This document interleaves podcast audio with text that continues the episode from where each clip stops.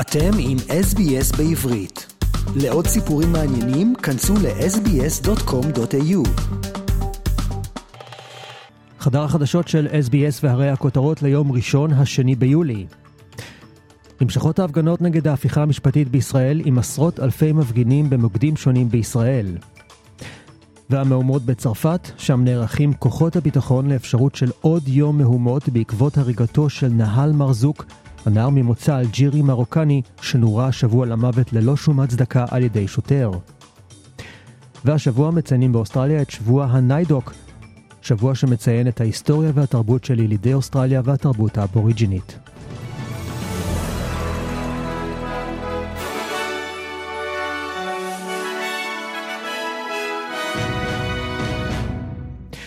ונתחיל עם המהומות בצרפת, שם נערכו כוחות הביטחון לאפשרות של עוד יום מהומות בעקבות הריגתו של נהל מרזוק, הנער ממוצא אלג'יראי מרוקני, שנורה השבוע למוות ללא שום הצדקה על ידי שוטר.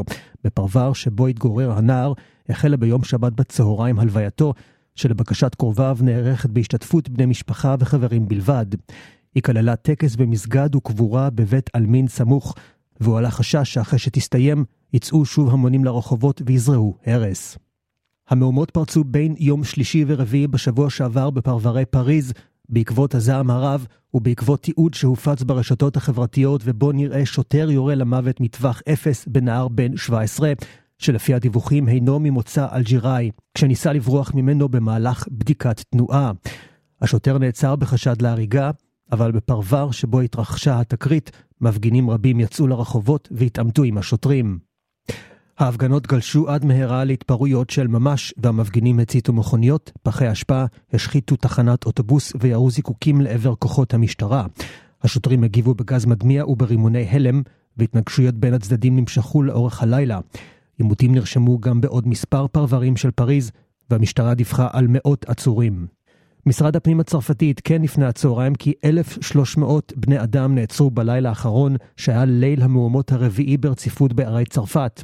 לדברי הרשויות, הלילה הזה היה אלים פחות מאלה שקדמו לו, אבל הוא עדיין כלל התנגשויות רבות בין שוטרים למתפרעים צעירים, ונרשמו בו יותר מ-2,500 אירועי אלימות, שכללו הצתת אש וביזה של חנויות.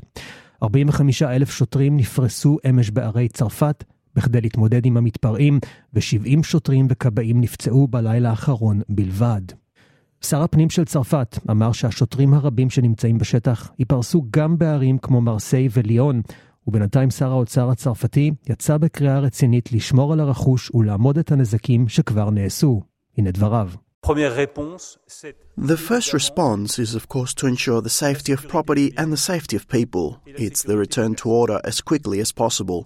We are working on this under the authority of the President of the Republic and the Prime Minister, along with the Interior and Justice Ministers. There is no nation without order. התקרית כאמור התרחשה ביום שלישי בבוקר, בתיעוד שהופץ ברשתות החברתיות ואומת על ידי התקשורת הצרפתית, נראים שני שוטרים עם קסדות עומדים לצד מכונית מרצדס צהובה שבה נהג הנער, ואחד השוטרים נראה מכוון לעברו את האקדח שלו. כאשר הנהג החל לנסוע, כנראה כדי לברוח, השוטר נראה פותח לעברו באש מטווח קצר. המכונית המשיכה לנסוע עד שהתנגשה בעמוד בצד הדרך. הנער נפגע מהירי בחזה ומותו נקבע בזירה בתום פעולות ההחייאה. גורמים במשטרה ציינו כי הנער היה מוכר לרשויות וכי בעבר כבר סירב לבדיקת תנועה. ונעבור לישראל, וזוהי השבת ה-26 של המחאות נגד המהפכה המשפטית, שבה השתתפו ביום שבת עשרות אלפי בני אדם בהפגנות במוקדים שונים בארץ. בשבועות האחרונים, לאחר שהשעה ראש הממשלה בנימין נתניהו את הליך החקיקה, נראה היה כי מגיעים פחות מוחים להפגנה המרכזית בתל אביב. השבוע התקיימו ההפגנות על רקע אמירתו של נתניהו בריאיון לוול סטריט ג'ורנל כי הוא מקדם מחדש את השינויים במערכת המשפט, ולצד זאת ציין כי פסקת ההתגברות לא נכללת בהם. במחאה מול בית הנשיא בירושלים השתתפו כאלפיים בני אדם. עומר ויינקונור, שנאם בהפגנה, סיפר כי ביום רביעי האחרון הגיע לוועדת החוקה בכנסת כדי להשמיע את קולו בנושא הזכות להפגין. הנה דבריו. אני חושב שזו בדיקה של כמה המחאה וכמה הציבור בישראל הוא ערני. אם אנחנו ערניים, אנחנו נתייחס לזה כמו שזה, שזה התחלה של הפיכה משטרית. זה שלב ראשון מיני רבים, שבסופו של דבר אנחנו נתעורר בוקר אחד בלי דמוקרטיה ישראלית, ואם אנחנו נהיה ערניים ונבלום גם את המהלך הבאמת דרקוני הזה, אנחנו נישאר עם הדמוקרטיה ומדינה כפי שאנחנו מכירים אותה. מפגין נוסף בשם רועי נוימן טען כי ההפיכה המשפטית מאיימת על הדמוקרטיה הישראלית, ואם התהליך לא ייעצר עכשיו, ישראל עלולה להפוך למדינת דיקטטורה. Netanyahu has shown that he has no uh, desire to compromise or to get into understanding with the rest of the people in Israel. He wants to be a dictator just like Orban is in Hungary and Erdogan in Turkey. We're going to stop him. We're very determined. 26 weeks in a row that we've been able to do it. We believe that we'll be able to do it uh, coming forward. ונעבור לחדשות מקומיות, ואוסטרליה הפכה בסוף השבוע לאחת המדינות הראשונות בעולם המתירות את השימוש בסם MDMA ובפטריות הזיה לצרכים רפואיים בלבד. החל מיום שבת מורשים פסיכיאטרים במדינה לרשום את הסם למי שמתמודדים עם הפרעת דחק פוסט-טראומטית ולרשום פסילוציבין, החומר הפעיל שנמצא בפטריות הזיה, לסובלים מסוגים מסוימים של דיכאון, אם כל הטיפולים האחרים אינם מועילים להם. סם ה-MDMA מוכר יותר בציבור כסם מסיבות, וזהו סם סינתטי הגורם להזיות, מגביר את החוויה החושית של המשתמש ומעוות את תחושת הזמן שלו. פטריות הזיה לעומתו הן מצרך טבעי, והן גורמות להזיות בגלל הפיסילוציבין המצוי בהן. השימוש בשני סוגי הסמים מותר אמנם לצרכים רפואיים בקנדה ובארצות הברית, אבל בהן ניתנת הרשות להשתמש בהן רק בניסויים רפואיים או לאחר קבלת אישורים מיוחדים. והשבוע חל באוסטרליה שבוע הניידוק, שהוא שבוע שמציין את ההיסטוריה והתרבות של ילידי אוסטרליה והתרבות האבוריג'ינית. השבוע חל כמדי שנה בתחילת חודש יולי, והשנה הנושא מוקדש למען המבוגרים. השבוע בא לחגוג את בעלי הידע, המורים, פורצי הדרך, המנהיגים ושורדים שהניחו את היסודות לדורות הבאים. הנה דבריה של דודה דוקטור לינט ריילי, ממלאת מקום היושב ראש של ועדת הניידוק העולמית, והיא מסבירה את החשיבות של הנושא של השנה להוקרה למבוגרים. הנה דבריה.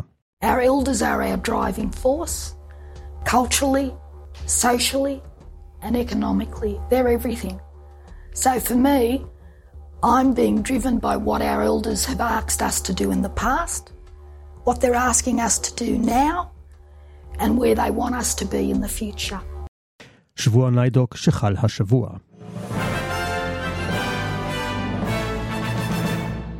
ולכלכלה שער הדולר האוסטרלי עומד כעת על 2 שקלים ו-47 אגורות לדולר אחד, לעומת הדולר האמריקני שיקנה לכם 67 סנט לדולר אוסטרלי אחד.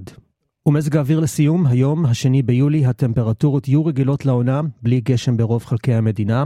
סידני עם 17 מעלות ומעונן חלקית, מלבורן עם 14 מעלות ומעונן חלקית, בריסבן עם 22 מעלות ובהיר, פרת עם 19 מעלות ובהיר, אדלייד עם 15 מעלות ומעונן חלקית, קנברה עם 14 מעלות וערפילי, ודרווין עם 31 מעלות, מעונן חלקית וחם.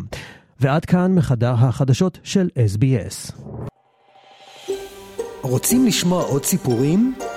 האזינו דרך האפל פודקאסט, גוגל פודקאסט, ספוטיפיי, או בכל מקום אחר בו ניתן להאזין לפודקאסטים.